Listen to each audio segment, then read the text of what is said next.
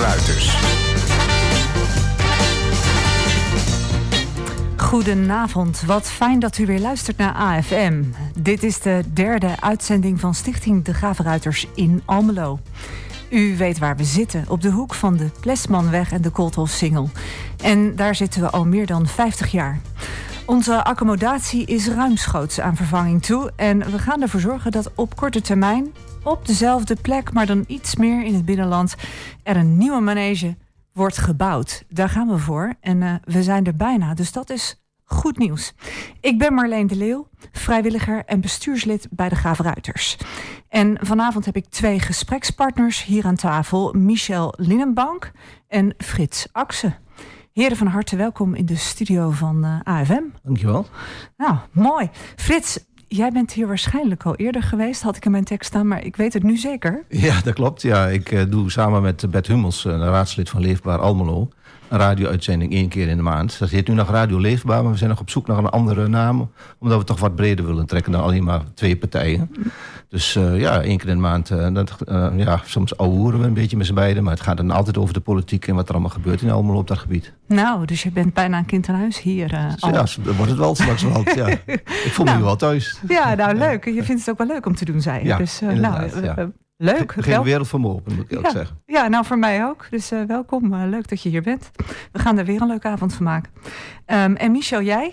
Uh, ben je al eerder bij AFM geweest? Nee, dit is voor mij de eerste keer hier. Maar ik heb in het verleden het nodige gedaan voor de lokale omroepen onder RTV Oost. Ja. Ja, praat rustig door hoor, want wij, wij, ik, ik, ik wijs even naar de technicus, want ik, ik hoor jou niet. Maar ik neem aan dat je wel gehoord wordt, dus dat zou mooi zijn. Um, jij bent hier, de, Radio Oost heb je eerder dingen gedaan. TV Oost zag ik ook. Ja.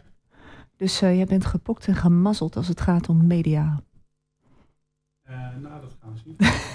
dat gaan we merken, oké. Okay.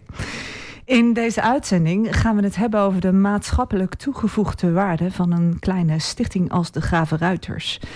Wat betekent het dat er een club als de Gravenruiters is in Almelo? Waarom en natuurlijk vooral voor wie is dat eigenlijk belangrijk? Um, maakt dat dan alleen uit voor mensen met een beperking die echt bij ons komen paardrijden? Of is de waarde misschien wel groter dan dat? Uh, we kijken natuurlijk ook even met een schuin oog naar de verkiezingen. Vandaag over twee weken.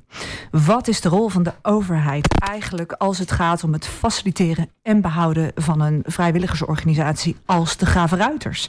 En wat mogen we van de overheid verwachten? Of juist niet? Mijn gesprekspartners van vanavond kunnen daar vast en zeker een heleboel nuttige en zinnige dingen over zeggen. Dus ik ben erg benieuwd. En uh, Michel, ondertussen is jouw microfoon gerepareerd. Dus uh, misschien wil je even testen of die doet. Ik weet niet. Nee, gezien niet. Nee, nog niet. Oké, okay, nou. Dialo, onze geluidstechnicus, die, uh, die gaat ermee aan de gang. Um, Frits, ja. naast, uh, wil jij het spits misschien even afbuiten? Zeker wel. Wil jij uh, even voorstellen? Nou ja, ik ben Frits Akse. Ik ben uh, geboren en getogen in Almelo. Kijk. Al mijn hele leven gewoond en bevalt nog steeds heel goed. 70 jaar inmiddels, dus met pensioen. Ja. Ik heb uh, bijna al mijn, mijn, hele werkzame leven in, in, de zorg gewerkt. Maar niet met de, de, handjes aan het bed, maar als ondersteuning. Mm -hmm. uh, administratief in het begin. Maar toen de automatisering zijn intrede deed, ben ik geleidelijk gaan daar ingerold. En ben ik ICT geworden tot, tot aan mijn pensioen. Ja, dat zag ik inderdaad. had jij bij het ziekenhuis gewerkt? Zag ja, ik dat de laatste werkgever was het de ZGT in, Al, in Almelo en later Hengelo. Ja. Maar daarvoor heb ik bij de gezinszorg gewerkt. En met, al hun voor, met de thuiszorg, met al hun voorgangers bijna 27 jaar gewerkt. Dus dat, uh, ik ken de, de, zorg wel een beetje van die kant. Ja, tjonge jongen. hey, en um, ik zie dat jij sinds 2010 al in de gemeenteraad zit. Ja. Uh, wat heeft jou ertoe gebracht om in de politiek te gaan? Nou ja, dat is een beetje uh, uh, ontstaan op een bepaalde manier. Ik was altijd al actief buiten mijn werk om. In de zin van bij de vakbond, maar daarvoor ook uh, als lid van een ondernemingsraad uh, mm -hmm. bij, de, bij de gezinszorg. Mm -hmm. Ik wilde altijd iets meer doen dan het gebruikelijke werk wat je al deed.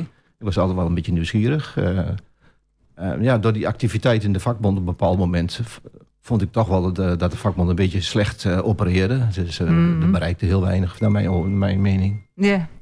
En ja, toen heb ik iets anders gezocht. Toen kwam ik uit bij de, bij de SP.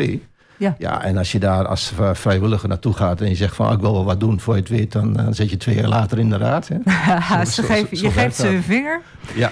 en eh, ze pakken je hand. Precies, maar de SP is, is wat dat betreft echt wel iets op me, een beetje op mijn lijf geschreven wat dat betreft. Dus ik voel me heel erg thuis en ja, ik, ik, voel ook al de noodzaak om op die manier toch wat een bepaald geluid te laten horen in deze stad. Ja, nou mooi. en jouw ervaring in de zorg, kun je die kwijt? Nou, hoe bedoel je? Kun je die kwijt wat ik daar gedaan heb? Of, uh, ja, ja, nou ja, je hebt natuurlijk ook veel gezien qua ontwikkelingen de afgelopen ja, jaren. Oh, ja, nou, nou, dan is dat wel eens wel een mooie... Ja, kijk, ik ben, ik ben toen begonnen in 77 bij een, eh, een kleine organisatie. 400 mensen in dienst en uh, 1000 cliënten, dus de gezinszorg. Hmm. En uh, ik heb daar gewoon vervolgens toen met de, de fusie tussen het, met het kruiswerk tot thuiszorg Noordwest-Twente... Hmm. heb ik gewoon gezien dat er een hele schijf uh, lagen tussen kwamen. Dat, we hadden nu in allerlei managers nodig. We hadden uh, uh, um, personeelszaken veel meer mensen nodig. Er ja. moest van allerlei dingen gebeuren. Ja, de manager die kreeg een managementassistent... en vervolgens kreeg je zelf sturende teams. Dus ik heb heel veel dingen zien gebeuren... waarvan ik denk van nou, dit is wel heel erg veranderd. Ja. En als ik nu kijk naar de zorg... dan zie ik daar een enorme administratieve last... Ja. Waarvan ik en uh, mijn partij ook de, van mening zijn dat, uh, dat het echt wel een graadje minder kan. Waardoor de zorg misschien ook wat goedkoper kan. En meer mensen ook veel meer lol hebben in de zorg. In plaats van 30% van hun tijd besteden aan administratie. Ja, dus dat is misschien een beetje doorgeschoten, zeg je. Ik uh, vind duidelijk van wel, ja. Jij ja. vindt van wel. Nou, we gaan het er straks nog over hebben. Naast jou zit Michel Linnenbank. Hadden jullie elkaar al ontmoet voor vandaag? Nee. Nee, nee nou, eens is het de eerste keer. Dus bij deze. Um, Michel, wil jij jezelf ook even voorstellen? Uh, ja, uh, Michel Linnenbank. Ik werk bij Saxion Hogeschool voor het lectoraat modelleren van maatschappelijke impact. En uh, wij doen eigenlijk onderzoek naar maatschappelijke meerwaarde, maatschappelijke impact van verschillende initiatieven, zowel aan de technische kant als aan de sociale kant. Ja, ik heb het inderdaad opgezocht wat jij net vertelt. Dat, dat staat hier letterlijk. Dat heb ik van jullie site gehaald. Dus dat is dat goed geoefend. Ja, dat heb je goed geoefend. Dat hoef je niet te herhalen, maar het is wel een mond vol, inderdaad. Hè, als het gaat om het methodisch inzichtelijk maken van de maatschappelijke impact van innovaties, beleid en andere initiatieven. Vallen wij dan als Schavenruiters ook onder een van die categorieën? Uh, zeker. Nou, wat, wat het eigenlijk heel simpel gezegd is, wat je vaak ziet. Uh, mensen nemen een initiatief of die ontwikkelen iets en die kijken vaak wat is het effect of wat hebben we bereikt. Heel erg gericht op de resultaten. Mm Wat je vaak ziet is dat, uh, nou zeker als we kijken naar uh, jullie initiatief, hè, dat, uh, dat je eigenlijk een veel groter effect hebt en een veel groter bereik hebt. Ja. En idealiter wil je daar iets van een waarde aan toe kunnen ken, uh, kennen om te laten zien van kijk wij doen eigenlijk meer, onze impact is veel groter dan we het eerste oog denken. Ja, precies. Uh, een van de mooiste voorbeelden vind ik nog altijd, dat was uh, voor de reclassering. Toen hebben we eigenlijk aan reclassering mensen gevraagd, maar uh, wat, wat doen jullie nu en wat denken jullie nou wat het waarde is van jullie werk? Mm. En ze mochten dat mooie van die grote flip-overs opschrijven, gebruiken we nog steeds trouwens. En het eerste wat ze opschrijven is koffie drinken. Ja. En dat koffiedrinken stond voor zoveel en was voor zo groot belang uiteindelijk. Mm. Dat als je kijkt wat één kopje koffie betekent voor de cliënt, voor het vertrouwen en Ja. later in het proces. Ja, weet je, De bijna zeggen, verbinding. je moet zoveel meer Ja. koffie gaan drinken. Eh, alleen vaak wordt dat niet inzichtelijk gemaakt. En wij proberen dat soort dingen inzichtelijk te maken. Ja. Om vervolgens een ander gesprek met elkaar te kunnen voeren. Ja, mooi. Ehm, dus het doel is dat, als je dat inzichtelijk maakt, hè, wat voor effect iets heeft, dat je dan weet wat de toegevoegde waarde van iets is. En dat je op die manier ook publieke of private investeringen kunt verantwoorden. Want dat is wat ik ook las op jullie site. Toen dacht ik van ja, je moet alsof je moet onderbouwen wat je aan het doen bent. Eh, ja, onze, ik, ik refereer dan. Een van onze grootste onderzoekslijnen is eh, voor de reclassering. Wat de maatschappelijke waarde voor de reclassering is. Ja, En zij hadden eigenlijk het, en misschien is nog steeds een probleem, is hè, het beeld wat de mensen bij de reclassering hebben, is van, nou ja, ze doen vaak een beetje papa nat houden, zorgen dat eh, ex-gedetineerden weer goed terechtkomen. ja, Maar op het moment dat je inzichtelijk maakt wat dat betekent voor de maatschappij en hoe de maatschappij daar als geheel van profiteert, Mm. gewoon dat die mensen eigenlijk weer terug kunnen komen in de samenleving, een plek kunnen vinden, mee kunnen doen. ja, Uh, ja, dat, dat, is, dat is heel mooi als je dat inzichtelijk kunt maken. En dat helpt de reclassering om een ander gesprek te voeren. En waarom Ja. is dat zo belangrijk? Omdat het effect, wat wij dan noemen de baten... dat die mensen mee kunnen doen aan de maatschappij... Ja, dat zie je niet terug bij de reclassering. Zij profiteren eigenlijk niet van hun werk. Nee. En zij investeren in die maatschappij. En simpel gezegd, andere partijen die profiteren ervan. En als je weet nou welke, die, welke partijen dat zijn, dan kun je met die partijen ook in gesprek gaan van hey, eh, jullie profiteren ervan. Misschien is het ook wel goed dat jullie wat bijdragen. Ja, precies. En soms is dat moeilijk. Nou, en dan kun je bijvoorbeeld bij een overheid aangeven: kijk, wij doen dit voor de maatschappij. Daar profiteert eigenlijk de hele maatschappij van. Nou ja, dat is ook wel eh, misschien terecht of het legitimeert dat jullie als overheid een bijdrage leveren. Ja, precies. Ehm, als ik daaraan denk, als ik jou hoor praten daarover, dan denk ik, ja, ik kan me voorstellen dat er mensen zijn die redeneren van die boefjes, die kosten de samenleving al genoeg. En dat het dan slecht over het bühne te krijgen is. Is dat dan het probleem? Ehm, nou ja, je, je hebt sowieso eh, vaak mensen kennen het verhaal gewoon niet, weten ook niet gewoon wat het oplevert. Ehm, immers, als ze het al wisten, hadden wij geen werk gehad. Nee, Eh, precies. Eh, dus simpel is het. Ehm, nee, en wat je vaak ziet is wat mensen kijken heel vaak naar die, het directe effect. Hè. Iemand, eh, je helpt iemand en je kijkt bijvoorbeeld, je helpt iemand aan een eh, baan of aan een dagbesteding. Ja. En dan houden ze op met kijken. Maar op het moment dat iemand bijvoorbeeld een baan heeft, Mm. eh, is de kans groter dat hij niet vervalt in crimineel gedrag. Dus, dus dat is winst voor de samenleving. Maar als iemand meedoet aan de samenleving, dan draagt hij ook weer bij aan de samenleving. Is ook samen winst voor de samenleving. Ja. En zo kijken we er naar. We kijken alleen maar naar van gaat iemand wel of niet opnieuw de criminaliteit in. En Ja. dan houdt het op. Ja, Eh, En de kunst is juist leren verder te kijken van maar wat zien we nog meer gebeuren. ja, wauw. Ik eh, hoor al een heleboel aanknopingspunten voor, eh voor zometeen. Maar eerst even een vraag van een andere orde. Want heb jij wel eens een röntgenfoto laten maken bij jezelf van een, een of ander deel van je lichaam? Gekke vraag misschien. Er zijn wel eens röntgenfoto's van mij gemaakt, ja, absoluut. Want het is vandaag de dag van de stralende beroepen. Op 8 november 1895 ontdekte Willem Röntgen de straling die nu algemeen bekend is als de röntgenstraling. Dus dat is 128 jaar geleden. En eh, nou, ik was daar niet bij, jullie ook niet. Eh, maar tot op de dag van vandaag doen wij ons voordeel nog steeds met deze uitvinding. Terwijl we nou ondertussen natuurlijk de MRI en de MRA en de PET-scan en de CT-scan hebben. Kunnen echoen. Volgens mij heb ik dan de grootste varianten wel genoemd. Ehm, maar dit doen wij nog steeds. En toen las ik dat dat dat vandaag was. En toen dacht ik, ja, maar eigenlijk praat ik hier met iemand die ook een soort van stralend beroep heeft.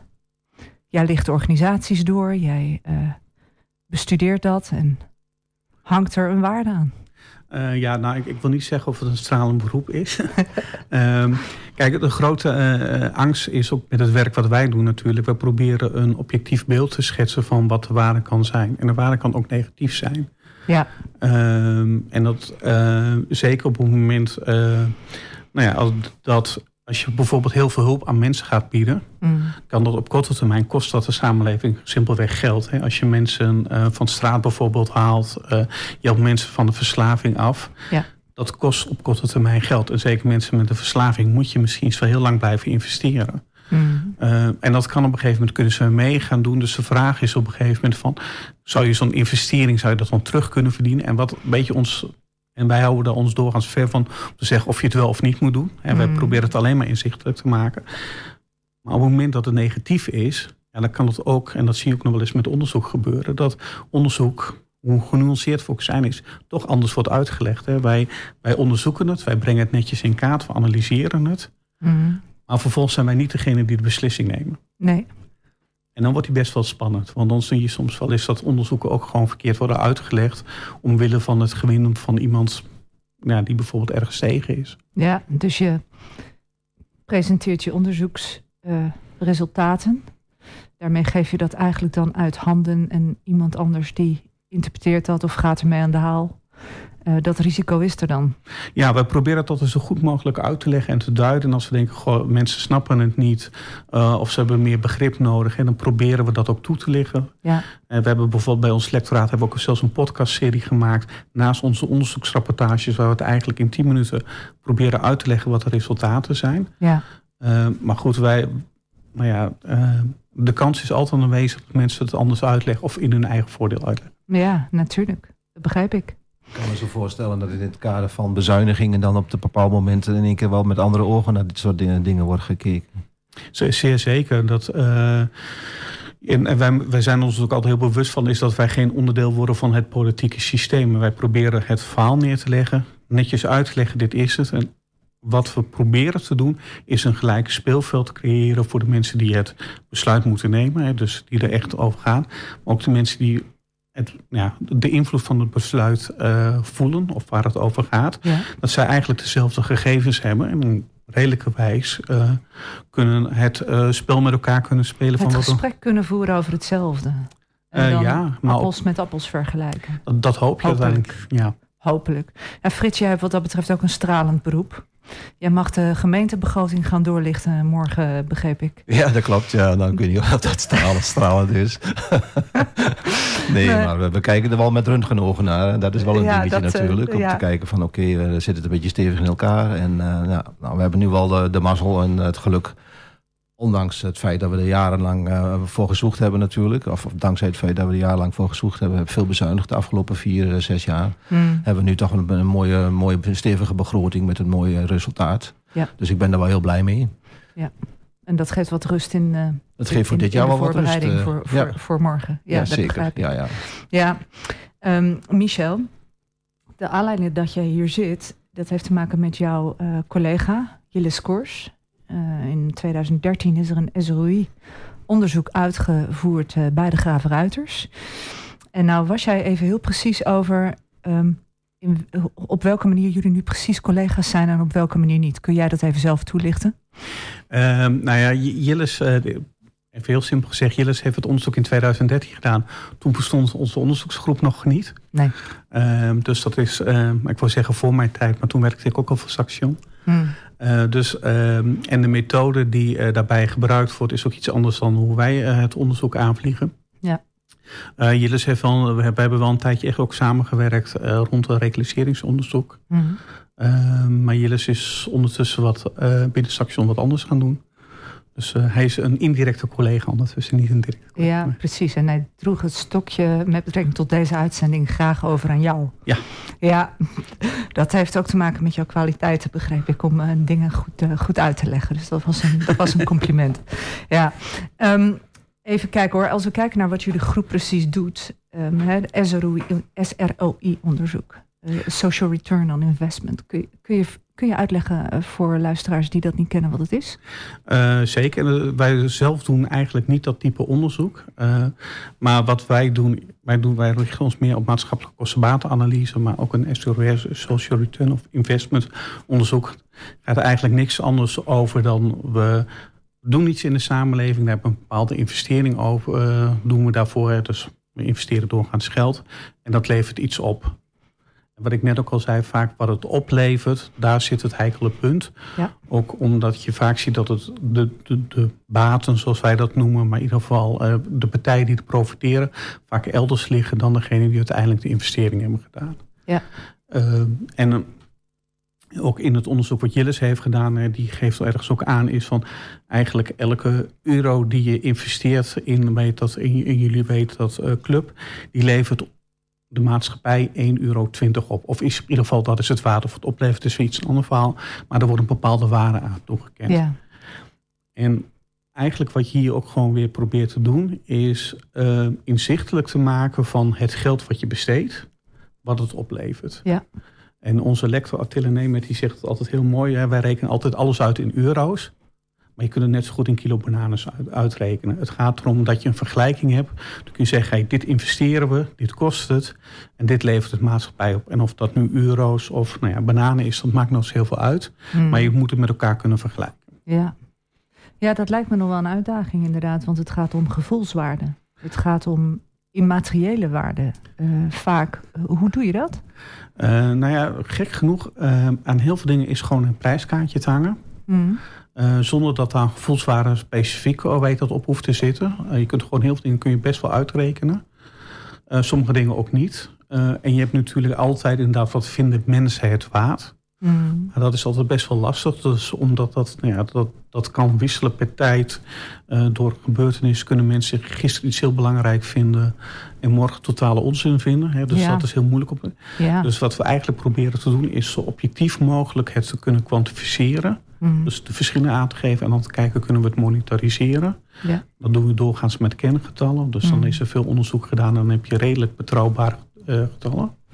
En soms kunnen we ook echt sommetjes maken. Omdat gewoon we heel goed weten wat, eh, wat de kosten zijn en waar de baten zitten. Dus wat, wat het oplevert en waar het oplevert. Ja, precies. Ehm, als we kijken naar zo'n stichting als de Gave Ruiters, hè, waarvoor ik dan eh, hier nu zit. Ehm, als Gave Ruiters vinden wij voor een specifieke doelgroep, dat wij voor een specifieke doelgroep, hè, eh, veelal kwetsbare doelgroep in de samenleving, een belangrijke functie vervullen. Eh, voor mensen met een handicap zijn voorzieningen, zoals bijvoorbeeld sportclubs, niet vaak zomaar toegankelijk. Eh, en wij weten dan welk verschil wij voor deze mensen maken. En dat zij zonder ons misschien wel geen enkele plek hebben waar zij goed gezien worden, waar ze goed begrepen worden. Hè, waar de omgeving, de activiteiten, hè, bijvoorbeeld het tempo waarin alles gaat, op hen wordt aangepast en nou ja, bij hen aansluit, bij hun mogelijkheden aansluit. Ehm, hè, waar ze dan vrij kunnen genieten en ontspannen. Dat is, dat is ons doel als stichting. Maar wij kunnen dat wel zien, vinden, weten. Maar hoe leg je dat uit aan de samenleving is dan de vraag. Hè? Dus ehm, kan dat dan door middel van het type onderzoek wat jullie doen? Ehm, uiteindelijk, ja, maar goed, het is een beetje preek, voor eigen progie. Uiteraard kan dat. Eh, maar dat, het, is, het is een zeer ingewikkelde weet dat, opgave als je dat heel precies wil doen. Mhm. Ehm, en wat, wat wij ook vaak doen is in de eerste, hè, als we vaak beginnen met een, zo'n zo'n onderzoek, we gaan eerst eens kijken, kunnen we logisch beredeneren waar dan die waarden zitten. Vervolgens ga je dan, als je zo'n beredenering hebt opgebouwd, gaan we dat verder uitdiepen. En gaan kijken, is er al meer over geschreven? Mhm. Heel vaak is er al meer over geschreven. Dan Ja. kun je een beetje zeggen van hey, de relatie die we zien, kunnen we dat onderbouwen? Kunnen we dat beargumenteren? Wat zijn daar dan de effecten van? Positief, negatief? En zo ga je het steeds verder opbouwen tot je het op een gegeven moment kunt kwantificeren, monetariseren. Ehm, waarbij altijd nog wel de vraag is, eh, hoe goed kun je uiteindelijk echt aan je data komen? Ja. En in sommige gevallen moet je zelf op datazoek gaan. Dat proberen we toch best wel vaak te mijden is, omdat het heel duur is, heel prijzig is. Maar wij maken bijvoorbeeld bij ons onderzoek best veel gebruik van eh, eh, microdata van het CBS. Mhm. En dat is echt, ehm, het is, nou ja, de CBS heeft heel veel gegevens van ons. Ehm, ja, dat is allemaal netjes gecodeerd, dus we weten niet om wie het gaat. Maar ze hebben bijvoorbeeld ook mijn loonstrookjes. Ja, en op een gegeven moment, ja, dat hebben ze netjes gecodeerd. Nou, en op basis daarvan kun je best wel heel veel analyses maken. kom je heel veel gegevens boven tafel. Waardoor je met de enige mate van zekerheid eh, dingen in kaart kunt brengen. Dus het kan. Ja, Ehm, maar het is vaak wel een hele dure exercitie om te doen. Dus we zeggen ook altijd, de onderzoeken die wij doen... eh, even heel plat gezegd, is maar onder een miljoen moet je dat überhaupt niet gaan doen. Want het is gewoon te duur. Mhm. Ehm, en dat is zo'n, dan is zo'n SORI-onderzoek wat uh, Jillis bij jullie heeft gedaan... is dan wat waardevol. Het is wat eh, simpeler. Mhm. Uh, en wat meer behapbaar, waardoor je uh, wel een goed beeld krijgt. Uh, maar de ja, onderzoeksmatig, zo zegt de betrouwbaarheid is dan wat lager. ja. Maar het is al wel helpend om te kijken van jongens, maar dit levert het op. En dan heb je in ieder geval het gesprek en daar zit dan uiteindelijk de waarde. Ja, precies. Waarbij je gebruik maakt van bestaande onderzoeken. In ons geval, geval zou dat kunnen zijn onderzoek wat al gedaan is naar um, bijvoorbeeld uh, het gebruik van het huid, huifbed voor mensen met een meervoudige beperking. Daar is al eens onderzoek naar gedaan. Over wat daar de effecten voor zijn. Nou, daar maak je dan gebruik van voor een stichting als de onze. Je maakt gebruik van data van de bevolking van Almelo, bijvoorbeeld het aantal mensen wat er gebruik van zou kunnen maken of hoe die groep eruit ziet. Zoiets? Uh, ja, zeker. Uh, ik, ik, denk dat het heel terecht zegt. Op het moment dat je zo'n. Uh, hè, dat er bestaan onderzoek is naar zo'n huifbed, zei je dat? Ik, ja. ja. uh, maar hè, dat daar onderzoek is van wat de effect is en wat dat met mensen doen. Uh, ja, weet je, dat, dat is een hele mooie basis om te kijken ja. van oké, okay, maar dat is één van de effect. Maar uh, ik kan me heel goed voorstellen op het moment dat je een gehandicapt kind hebt, wat daar uh, gebruik van gemaakt. Dat je niet alleen het effect bijvoorbeeld bij dat kind hebt, maar ook bij die ouders. Want die zien op een gegeven moment, hé, hey, mijn kind heeft, uh, ja, die heeft naar zijn zin, daar gaat ja. het beter mee. Misschien ja. ook wel op de lange termijn. Nou ja, en als je je minder zorg hoeft te maken om je kind, of je ziet dat het wat beter gaat met je kind, doet dat ook wat met je ouders. Ja. En als ik hem dan even heel zakelijk maak, is ja, op het moment dat je je ouder wat beter gaat voelen, dan kun je ook beter participeren in die gemeenschap, in de samenleving. Kun je je werk misschien zo beter gaan doen. En uiteindelijk profiteer je dan wel weer met elkaar daarvan. Ja, en zo krijg je een soort van, zo bijna een circulair effect. Waarbij um, je als het ware de toegevoegde waarde doorgeeft. Zeg ik dat goed? Um, ja, je kunt zeggen doorgeven. Wij zeggen altijd, het heeft gewoon een veel breder effect. Ja. Uh, en daar gaat het uiteindelijk om. En de kunst is juist om het wat breder te kijken, omdat je dan ook eh, recht doet aan hetgene wat jullie bijvoorbeeld doen. Ja, precies. Hey, en um, de waarde zoals die berekend is voor de gravenruiters. Hè? Je hebt het onderzoek van Jiddes, had ik jou nog even toegestuurd. Wat viel je daarin op? Um, ja, wat mij vooral opviel is, en dat gaat het niet zozeer om de waarde, maar ik, ik denk waar wel de waarde uiteindelijk zit, is, uh, en je gaf het zelf ook al aan, jullie bestaan 50 jaar, jullie worden voor, uh, gerund door vrijwilligers. Uh, ja. En gezien als je met de faciliteiten die jullie hebben, of in ieder geval nastreven, een, een moeilijke of niet een moeilijke groep, maar een groep wat verder van de samenleving afstaat, eigenlijk weer probeert te, te, kunnen betrekken, toegankelijk te houden. En je doet het met vrijwilligers. Ja. Uh, daar zit een hele grote waarde. En, denk, uh, en dit is niet onderzoeksmatig, maar meer persoonlijke opvatting. Maar ik denk altijd, op het moment dat als je een groep vrijwilligers hebt die bij elkaar zich ergens voor inzet, ja, dan moet je eigenlijk als samenleving moet je dat koesteren. Ja. Want het simpele werk wat jullie doen, als je daar mensen voor moet betalen, dan is het gewoon niet te betalen. Nee. Dus als mensen bereid zijn om vrijwillige, of ja, vrijwillig hun tijd en energie daarin te steken, dan zal mijn natuurlijke reactie zijn, dat moet je eigenlijk dan ook belonen. En niet door die mensen te betalen, maar juist het werk wat ze doen, om dat wat makkelijker te maken. Of als ze hulp hebben, om dat moment hulp te bieden. Ja, exact. Um, en wat is de rol dan? Hè? Want daar zoeken we ook een beetje naar. Daar daarvoor zit, zit Frits, hier eigenlijk ook. Um, we hebben particulieren die hier uh, enerzijds gebruik van maken, die aan de andere kant het steunen, ofwel als directeur, uh, donateur, ofwel als, um, als vrijwilliger hè, en hun, hun bijdrage daaraan leveren. De belanghebbenden zelf natuurlijk, de deelnemers um, en hun ouders. wie heeft welke rol? Uh, hoe bedoel je dat? Ja, ik ben een beetje op zoek naar, want um, uh, deels wordt dat gefinancierd, uh, hebben, we, hebben we donateurs, deels heb je een, een lokale overheid voor wie dit, kan ik me voorstellen, ook belangrijk is. Dat, dat bepaalde um, groepen in de samenleving een plekje krijgen. Ik ben een beetje op zoek naar van wie heeft nu welke rol in dit geheel? Want het zijn nu de vrijwilligers, hè, dus een aantal mensen, gewoon particulieren die dit eigenlijk belangrijk vinden en die dit steunen. Bedrijven die dit steunen natuurlijk die, die ons giften geven? Um, ja, nou ja, volgens mij begint het vaak met dingen of iets belangrijk is of niet. Uh, um, nou ja, als je heel simpel zegt, als mensen het belangrijk vinden, dan moeten ze het maar gaan regelen. En ik maak me veel plat. Ja. Uh, want je moet ergens beginnen. Je kunt niet voor alles naar een overheid kijken, omdat simpelweg een overheid kan niet alles. Nee. Al denken we dat soms wel, maar uh, die hebben ook maar beperkte middelen. Uh, maar op het moment dat je met een, groep het een en ander voor elkaar krijgt. Uh, en je bedrijven die je steunt. Uh, dan ben je volgens mij al heel eind. En ik kan me best voorstellen dat op het moment dat je tegenslag hebt. of nou, om wat voor reden dan ook. dat je misschien even een keer wat hulp nodig hebt. omdat je het op dat moment niet kunt organiseren. Precies dat het voor een overheid best de moeite waard is om te kijken, goh, wellicht moeten we daar investeren. En ik kan me ook voorstellen um, dat een overheid kijkt, wat is onze taak en wat zouden wij moeten doen? Mm. Uh, en als er een club is die een deel van die taken eigenlijk al voor hun doen, dat je zegt, nou weet je, die, die kunnen we ook helpen, is, want als wij ze iets helpen, doen wij netjes onze taak. Mm. Maar het kost ons uiteindelijk minder. En dat geld kunnen we dan aan een ander goed initiatief uh, of aan een andere taakstelling uitgeven. Ja, precies. Nou ja, en zeker omdat het al gedragen wordt. Hè? Dus, dus als je al, veer, al 50 jaar in een samenleving bezig bent en kennelijk is er draagvlak voor, zijn er genoeg mensen die eraan deelnemen, die er gebruik van maken, maar ook die het dragen als vrijwilliger of donateur. Um, ja, in mijn beleving zegt dat al iets in zichzelf.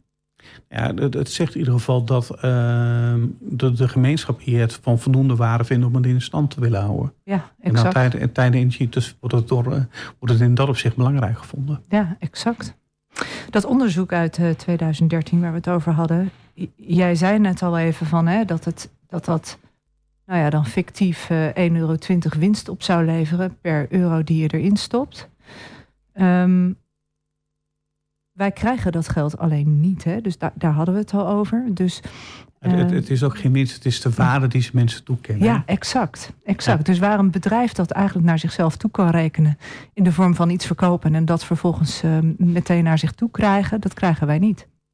Ehm, nou ja, het, het grote verschil daarbij is dat een, eh, een, een bedrijf uiteindelijk die maakt iets of die levert iets en dan moet je gewoon simpelweg voor betalen, anders heb je het niet. Nee. Ehm, maar daar zie je ook dat waarde redelijk, eh, en zeker bij de groot, eh, grote beursbedrijven, aandelen is ook een beetje wat vinden mensen dat het op het moment waard en of dat een bedrijf het waar is of niet, Ja. dat staat er volledig los van. Ja, Eh, we, we- zien eh, wel eens lijstjes van eh, de, de rijken der aarde die dan eh, een derde van hun vermogen verliezen. Mhm. Eh, en dan verliezen ze 40, 50 miljard, ik weet niet wat voor bedragen. Maar eigenlijk hebben ze dat geld nodig gehad, hè, want dat zit in aandelen en dat is allemaal fictief. ja, En ze liggen dus ook niet wakker van dat ze 50 miljard verliezen. nee. Eh, terwijl op het moment dat het om echt geld gaat wat je in je handen hebt en je verliest het, dan wordt het een heel ander verhaal natuurlijk. Ja, dus dat zijn hele andere grootheden. Nou ja, het zijn andere grootheden, maar het zit hem ook in de waarde die je ergens aan toekent. Ehm, en, en dat maakt hem vaak wat lastiger. Want de waarde die je ergens aan toekent en wat, het, wat men echt voor wil betalen, daar zit uiteindelijk ook weer een verschil tussen. Ja. Exact. Ehm, ik ben benieuwd naar jouw visie. En ehm, ik vraag het aan een onderzoeker. Dus waarschijnlijk heb jij daar dan ook eh, eh, beleidskeuzes hè, of richtingen bij die de overheid de afgelopen jaren gemaakt heeft.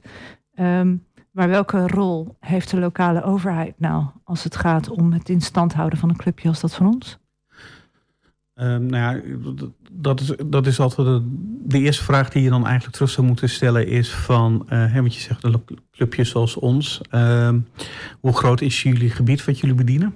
Hè, in een kader van, want jullie zitten in Almelo, maar misschien bedie- bedienen jullie wel een heel groot deel van Twente. Mhm.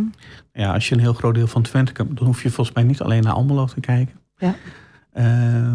En ik denk, eh, kijk, de, een, een gemeente of het lokaal bestuur heeft eh in dat opzicht best een ingewikkelde weet het, opgave. Want er zijn heel veel clubjes die heel veel goede dingen doen. Precies. eh, eh, en die heel veel belangrijk worden gevonden. En Mhm. al die clubjes hebben wel eens op zijn tijd geld nodig. eh, in zekere mate is. En eh, nou ja, de pot met geld voor een gemeente is niet, eh, hey, oh, weet dat, eh, Niet oneindig. eindeloos. Nee. nee. Dus er moet af en toe moet, er weet dat keuzes gemaakt worden. Ja. Eh, en dan is het uiteindelijk aan, de politiek, lokale politiek, om daar een keuze in te maken wat zij belangrijk vinden. Ja. Nou, jij zei eh, tijdens de voorbereiding eh, daar iets moois over toen wij elkaar spraken. Je zei beleid is de uitkomst van een belangenstrijd. Nou ja, dus. Hè, en dan heb ik als bestuurslid, maar goed, dat is natuurlijk mijn, mijn, mijn emotionele. hè, mijn, gevoel dan vooral bij wat we aan het doen zijn en dat dat zo mooi is. Ehm, dat, dat wij als klein clubje, heb ik dan wel eens het gevoel, per defi- definitie een soort van aan het kortste eind trekken. Het is een beetje Calimero-gevoel, zeg maar, wat je dan hebt. We zijn er voor de kwetsbaren, die hebben doorgaans niet eh, enorm veel geld of een enorm netwerk om, om nou heel erg aan de weg te timmeren wat betreft hun positie en hun, hun belangen. Ehm, dus zij zijn vaak ook nog wel op meerdere manieren afhankelijk, bijvoorbeeld van een grote zorginstelling of op een andere manier van de gemeente. Ehm, hoe houden we die belangenstrijd die er dan gaande is een beetje eerlijk? Ehm, nou, dat, is een hele goeie. Ehm, ik, ik, dat, volgens mij is dat niet de vraag die ik zou moeten beantwoorden, maar mijn buurman. Eh, om simpelweg is omdat het, eh, het gaat om de uitkomsten van een politiek spel. Ja, en politiek is toch eh, zoeken naar een eh, gedragen meerderheid. Dat betekent dat je soms water bij de wijn moet doen, dat je soms keuzes moet maken. Soms vervelende keuzes op keuzes die je eigenlijk niet wil maken. Mm. Ehm, en dan zeg ik het maar even heel plat, is het uiteindelijk ook voor kleine clubjes als jullie. Als je de gemeenteraad of raadsleden goed weet te bereiken en mee te krijgen en uit te kunnen leggen, is wat het verhaal is en waarom het belangrijk is. Ja. Weet je, dan, dan hoef je als klein clubje niet, eh, hoef je geen weinig invloed te hebben. Nou, we gaan zo met Frits eh, praten of Oh, dat ik kan gelukt dit is. zeker wel onderschrijven. eh, Ja, ja hoor, zo werkt het wel. zo werkt het wel. Ja. Goed, tenslotte aan jou, eh, Michel, aan al mijn gesprekspartners hier aan tafel leg ik een quote voor. Die dan hopelijk een beetje past bij hen en bij het onderwerp. Ehm, en eh, voor jou heb ik er een uit de filosofiekalender van dit jaar. En die quote is van George Eliot. En dat is het mannelijke pseudoniem voor Mary Ann Evans. Een intelligente vrouw die op het moment dat zij dit schreef in 1856 als vrouw zijnde niet echt welkom was op de Engelse universiteiten. En uh, uiteindelijk lukte het haar dan via een omweg uh, toch om met de grote filosofen uit haar tijd in gesprek te komen. En zij zegt ergens: Wij kunnen niet hard genoeg vechten en strijden voor de vrijheid om onderzoek te doen. Kan jij iets met deze quote? Uh, zeker. En ik zou er wel eens blijven niet onderzoek, maar onafhankelijk onderzoek te kunnen doen. Mm -hmm. uh, het eerste wat mij ook is geleerd als, onderzoek is, als onderzoeker is... je onafhankelijkheid moet je hand in hand uh, verdedigen. En dan moet je soms met gestrekt been in blijven vliegen. tot vervelens aan toe is, want die onafhankelijkheid maakt de waarde van je onderzoek. Ja. Um, en ik zei net al, hè, soms worden dingen verkeerd uitgelegd. Dus als je dat weet, probeer je dat te corrigeren. Ja. We proberen dus ook niet op de stoel te gaan zitten van uh, de gemeenten om te zeggen van dit moet je of dit. We kunnen hooguit aanbevelingen doen. Ja. Uh, we kunnen adviseren wat, wat handig is en niet handig is. Maar dan houdt het op een gegeven moment ook op. Want je wilt, je zei net van hoe kun je dat speelveld, hè, hoe kun je bij als kleine partij eh, ook onze invloed uh, oefenen, uitoefenen of hoe krijgen we enige invloed is. Nou ja, wat wij proberen te doen is, uh, en ik kijk nu eigenlijk jullie bijna aan, ja. aan de ene kant zeg maar de gemeenteraad, aan de andere kant de club weet dat die graag wat wil is van dit hebben wij onderzocht en successen mee. En we willen helpen met het uitleggen, maar jullie moeten het met elkaar maar gaan uitvechten. Ja, exact. Nou, fijn dat er dan nog goede objectieve onderzoekers zijn in deze wereld. Die zijn er genoeg. En daar ben jij er een van. Dank je. Dank je wel, Michel. Het is tijd voor muziek. Uh, het volgende nummer van Acta en de Munnik leek mij een mooi bruggetje om daarna het gesprek voor te zetten met Frits Axen. Doe het voor een stoel in de hemel, Doe het voor een stoel in de hemel. Soms avonds laat ik sta naar buiten, zie mezelf in de ruit besef ik dat ik ben gezegend. Eén voor één de lichten uit. Iedereen gelukkig en gezond. Alles betaald, leven een feest. Soms krijgt dan even het besef. Niet iedereen kan hetzelfde zeggen. Niet iedereen kan hetzelfde zeggen. Dat zei, zei je net. Heeft u dat ook soms? Heb ik hier misschien een tip? Het helpt een ander, maar jezelf het meest. Je kijkt om je heen. Goed kijken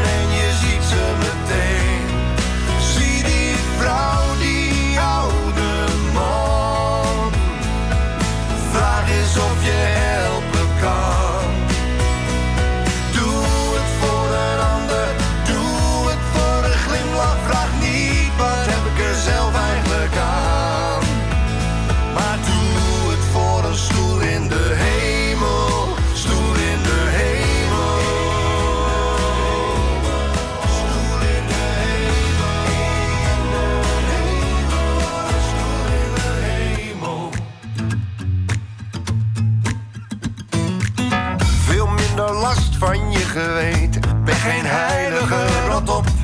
En ik ben gek op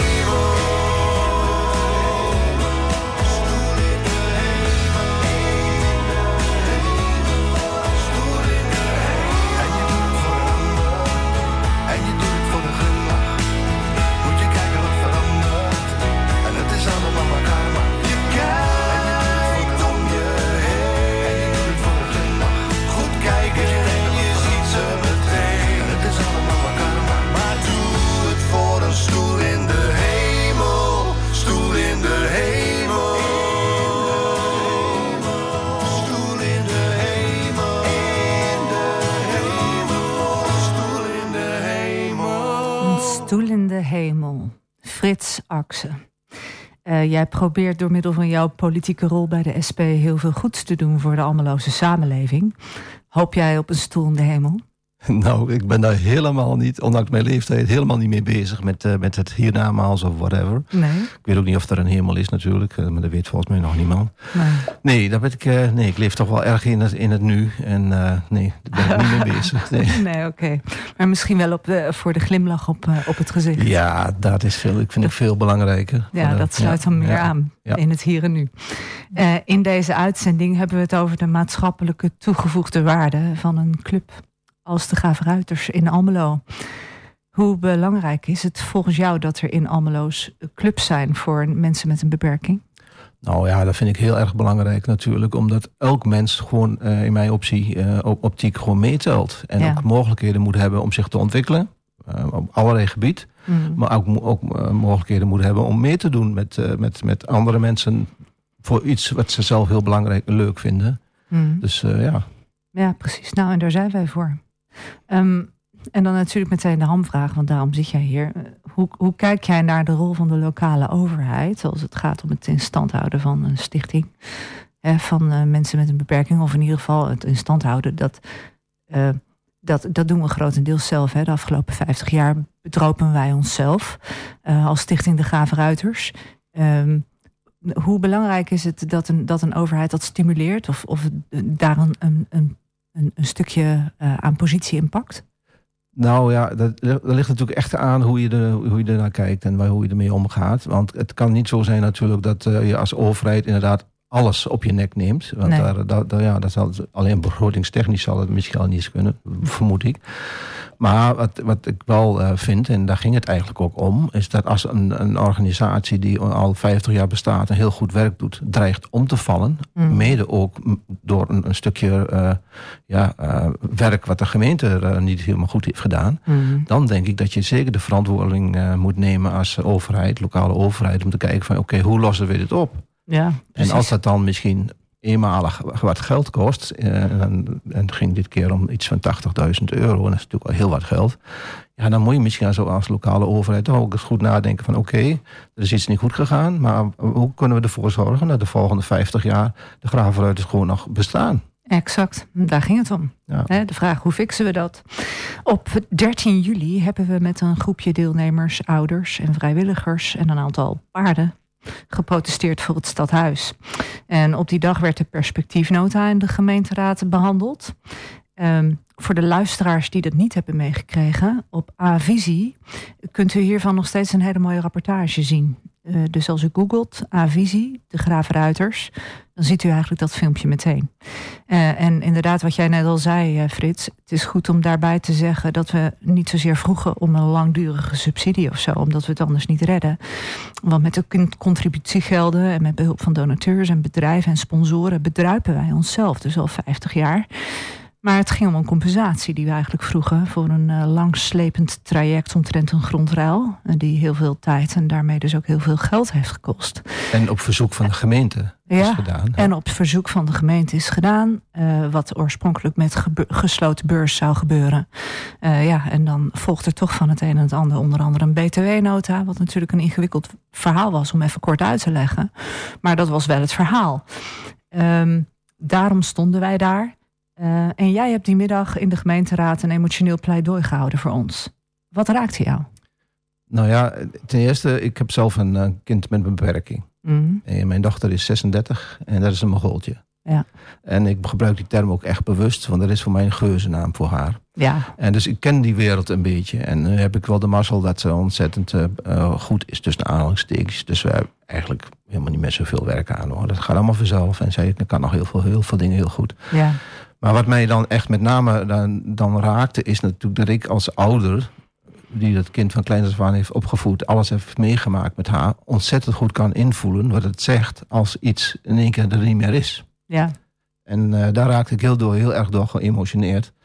En mede ook, uh, en ik was op een gegeven moment ook wel een beetje kwaad, want ook omdat in het politiek beraad voorafgaande aan, aan de behandeling van, uh, van de meerjarenprogramma begroting, door diverse uh, mensen, na, onder andere naar jullie inspraak in, in de raad gezegd werd van ja, dit, moet, dit is belangrijk, dit moeten we houden en we moeten daar gewoon mee, eh, eh, alle steun eh, toezeggen. Ja.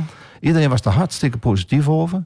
Mm. En vervolgens gaat het om het geld. Het moet het daadwerkelijk over de brug komen. En ik heb in het debat van het meerjarenprogramma gehoord ook diverse keren dat echt nog een keer weer eh, bij de, de diverse eh, fracties, andere fracties die nu in één keer terugkarbelden, gezegd van oké, maar je hebt het toen allemaal wel gezegd, maar nu wil je het in één keer niet. Mm. Ja, dat, dat, dat vind ik echt eh, vind ik heel, heel vreemd. En ik hou daar helemaal niet van, van dat soort dingen. Dat je Nee. enerzijds je voordoet van oh, we, we, we gunnen jullie wel wat. En anderzijds, als het puntje bij paaltje komt, dan doe je het gewoon niet. Ja. Terwijl ook nog eens een keer zo was dat die motie die ik toen vervolgens heb ingediend om het toch eh, in stemming te brengen, uiteindelijk erom ging om als een soort achter, achterwacht te dienen. Dat mocht het uiteindelijk, want er zijn een aantal opties ge- ge- ge- gegeven om Ja. toch het op te lossen.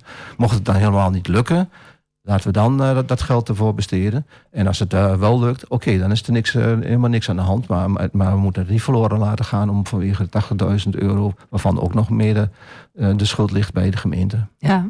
Ja, het sentiment draaide op een gegeven moment. Hè? Ja. En eh, dat, dat, dat, eh, dat gevoel had ik ook inderdaad. Ik dacht van, hé, maar hier heb, je, hier heb je bijna geen grip op. Hier ontstaat een soort van beeldvorming. Of, nou ja, ehm, in ieder geval, dat, dat ging voor mijn gevoel niet helemaal meer de goede kant op. Dus Nou, maar Ehm, sterker nog, in, ja. het, in het politiek beraad wat er vooraf uh, dat werd, toen werd echt door eh, een andere fractie ook letterlijk gezegd, nou, wij, wij, gaan anders, wij dienen anders een, motie in daarover. Ja. Toen heb ik gezegd, oké, als jullie dat niet doen, dan doe ik het. hmm, En vervolgens kwam die motie niet. nee. Dus dan denk ik van ja, hoe kan dat nou? En nu weet ik ook wel dat het natuurlijk, eh, eh, er is natuurlijk in de, in de, in de, er is natuurlijk wel veel overleg geweest tussen de, de fracties die in het college zitten. Ja. En waarschijnlijk hebben ze misschien ook een andere oplossing gezien. Maar dan zegt het dan heel duidelijk. Maar dan nog vind ik dat je een soort reserve moet hebben. Dat het niet in één keer, mocht toch helemaal niet lukken met al die andere oplossingen. Dat je dan wel zorgt dat, dat jullie in de benen blijven, zo simpel Ja. gezegd. Eh, ja, precies. En dat je Ja. daarover dan een goede afspraak Ja. neerlegt. En een goede motie met een kop en een staart. Ehm, ja, waar dan ook opvolging aan gegeven wordt. En wat dan leidt tot een oplossing. Ja. Dat is eigenlijk wat je zegt. Hey, heeft het, ehm, als jij daar nou kijkt, hè, want wij, hebben, wij zijn op een gegeven moment gewoon met onze paarden en onze mensen voor het stadhuis eh, gaan staan. Heeft dat zin, denk jij? Ja, dan moet je niet aan een SP'er vragen natuurlijk. Hè? Want eh, wij zijn een partij die als het eh, dan niet via de politiek lukt... dan, dan komen we toch in actie. Op de barricade. Op de barricades. En er wordt altijd heel lacherig over gedaan hoor. Maar goed, als je maar een beetje rond kijkt in, de- in, in Nederland... wat de SP op verschillende plekken toch bereikt... door alleen maar actie te doen. Hè? Dus niet in de eerste altijd de politiek bezig te zijn... Nee. Maar het organiseren van verzet tegen dit soort zaken.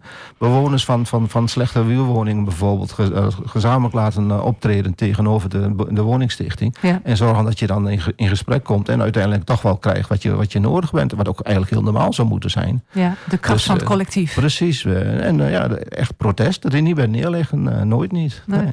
Als jij terugkijkt hierop, wat denk je dat die actie ons heeft opgeleverd? Ehm, nou ja, weet je, het, het, je kunt natuurlijk verschillende acties hebben, maar dit actie die letterlijk gebeurde wel buiten het stadhuis. Hè? En daar hadden we natuurlijk in de raadzaal heel weinig zicht op. Dat is natuurlijk wel, ja, misschien dan dat ook nog wat moeten combineren door ook wat meer mensen op de, op de tribune eh, te laten zitten die Ja. er ook mee, mee te maken eh, hebben.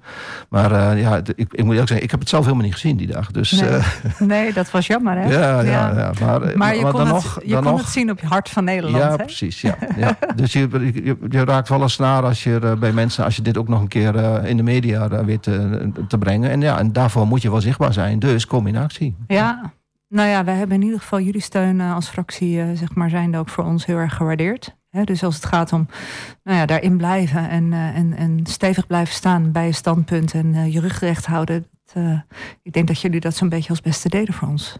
Dus Ja, nou, dank, dank dank je wel daarvoor. voor het compliment dan. Ja, dank daarvoor. Frits, ik heb voor jou ook een quote. namelijk van de bekende psychiater Dirk de Wachter. Ken je die?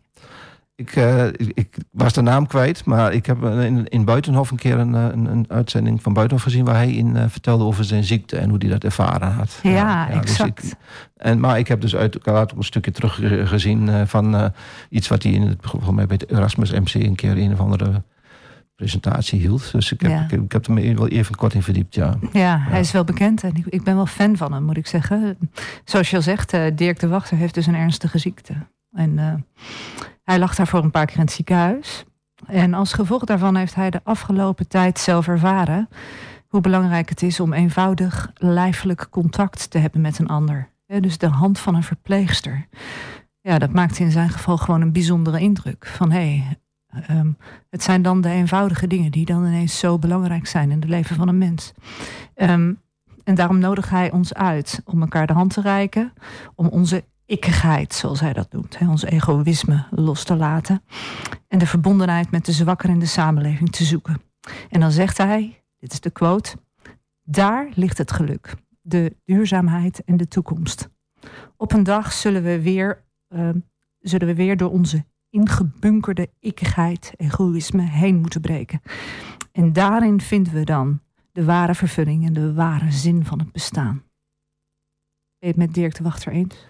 Ik uh, ben het wel met hem eens, maar ik vind dit wel een hele moeilijke omschrijving. Ik vind eigenlijk de omschrijving van Akka, Akda en de Munnik veel beter. Dat je het doet voor een glimlach voor een ander, bijvoorbeeld. Ja, ja nou ja, dat is, maar ik zijn snap heel goed wat, wat, wat je bedoelt. Ja, Gewoon heel simpel gezegd, eh, men moet je, je eigen egoïsme aan de kant zetten. Want je hebt veel meer eh, aan eh, om een ander te helpen dan je eigen ik eh, voorop te zetten. Ja. Dus eh, ja, dat deel ik wel heel erg. Ja. ja exact. Ehm, zit er veel egoïsme in onze samenleving? Veel te veel. Ja? Veel te veel. En dat is, het is de laatste, in mijn ogen de laatste 10, 20 jaar alleen maar erger geworden. Hmm. En het is natuurlijk ook, eh, ja, en dat is dan weer de SP'er in mij, de, de, de, wijze waarop de, de, de afgelopen 15, 20 jaar politiek is bedreven. Eh, iedereen moet zichzelf maar kunnen redden. Eh, alles overlaten aan de markt. Ja, dat heeft wel voor gemaakt dat je ja, ieder eigenlijk zoveel mogelijk voor zichzelf op moet komen. En dan ook alleen maar zoveel mogelijk naar zichzelf kijkt. Ja, Dus eh, als, als jij het maar goed hebt, dan, eh, dan, is, dan, dan is de wereld goed. Nou ja, het blijkt nu zo, niet echt zo te zijn. Want er is nu nog nooit zoveel ellende in deze wereld. Ook in Nederland. eh, dan, dan, eh, dan, dan, dan, nou, zeggen, dan, dan 20, 30 jaar geleden. Ja. Ja, en dan, eh, dan hoor ik dat wel inderdaad. Dat men dat toch wijt aan 13 jaar Liberaal neoliberalisme. beleid. Ja, ja, ja, Eh, ja, d- Dat dat toch dan zijn gevolgen Het, heeft. het idee dat je, eh, maar maakt niet uit waar je geboren bent, dat je altijd het, eh, het kan maken. Dat, eh, ja, dan, ja, in Amerika is het natuurlijk ook iets wat. eh, hè, dan, dan, iedereen kan miljonair worden, wordt er dan gezegd. Maar Ja. nou, ik weet Bettine, dat dat niet zo is. Nee, Je moet gelijke kansen krijgen en dat is al niet zo in deze wereld. nee. Laat staan dat als je ook nog een beperking hebt. Ja, nou inderdaad. Ehm, en daar weet jij eh, wat dat betreft ook eh, voldoende van, hè, vanuit je eigen ervaring. Ehm, welke vervulling vind jij in je politieke werk? Nou, het, het, het meeste, ja, het, het klinkt misschien gek, maar ik, ik doe altijd graag wat voor een ander. Ik ben, ik heb dat volgens mij geërfd van mijn vader, maar die was ook zo. Als die iemand eh, hulpeloos langs de kant van de weg zou staan met een autootje en dan, dan, dan hielp hij gewoon een band verwisselen of zo. Terwijl hij helemaal geen, zelf geen auto had. Stapte die van de fiets af en zei, kan ik je helpen? Dus ja, op een of andere manier zit het een beetje in mij dat ik gewoon eh, eh, dat toch wel graag iets voor een ander doe. En ja, ik denk ook dat het sinds mijn dochter is geboren, dat je dan ook ja, misschien dat nog wel versterkt. Omdat je ook gewoon weet van ja, zij heeft dat ook nodig. Ja. Zij kan niet altijd voor zichzelf opkomen. Dus dat moet ik gewoon doen. Ja. Nou ja, en dan, dan ga je misschien automatisch toch op een iets andere toer eh, denken en leven dan je misschien eh, niet had, eh, had gedaan als je niet zo'n kind had gekregen. Ja, dan wordt het des te belangrijker om Ja, oog te hebben voor de ander. ja. En dan hoop je ook dat anderen dat hebben voor, ja, voor jou, voor de zwakkere, voor je dochter. In dit geval heel concreet. Ja. Zo breed mogelijk. Ja. Hey, en met het oog op de verkiezingen, tot slot, 22 november, waar hoop je op? Nou ja, eh, het is natuurlijk heel simpel om dan te zeggen van zo groot mogelijk eh, aantal zetels voor mijn partij. Maar dat, dat zit er niet in, dat, dat zie ik ook niet gebeuren. Nee. Nee, wat ik zou willen is dat eh die partijen die nu allemaal roepen van dat ze de wereld wil, willen verbeteren, dat ze de bestaanszekerheid willen garanderen, dat ze daar wat aan willen doen. Ja. Als al die partijen ook echt daadwerkelijk zeggen en, en doen wat ze beloven, ja, dan, dan zou ik al een stuk blijer worden in deze wereld. Want er is veel te veel mis in, in, in Nederland, vind ik. Ja, exact. Ja. Frits, dat lijkt me eh, mooie afsluitende woorden. Ehm, dank jullie wel, Michel Linnenbeek en eh, eh, Frits Axen voor dit gesprek.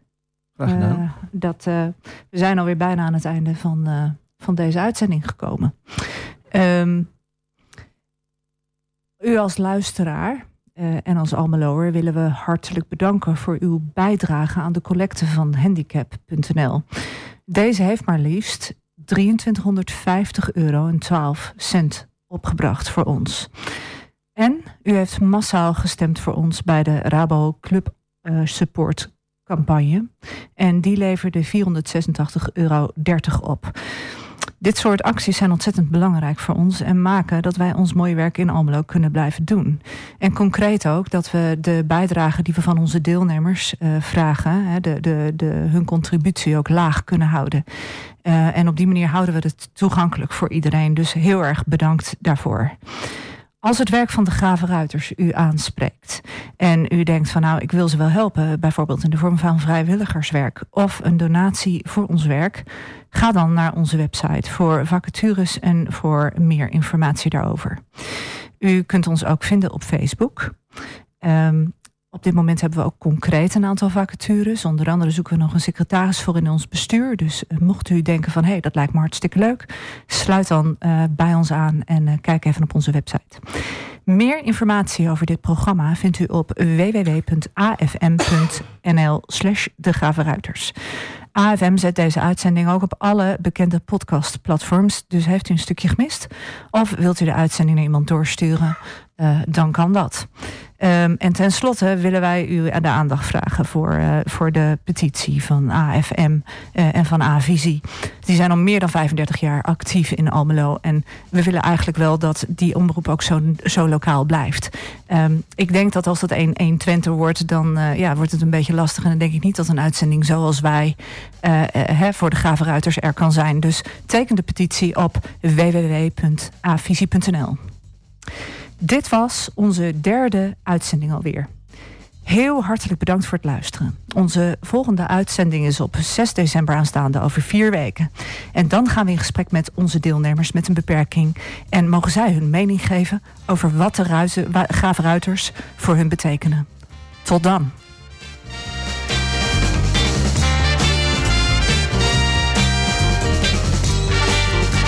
De Gravenruiters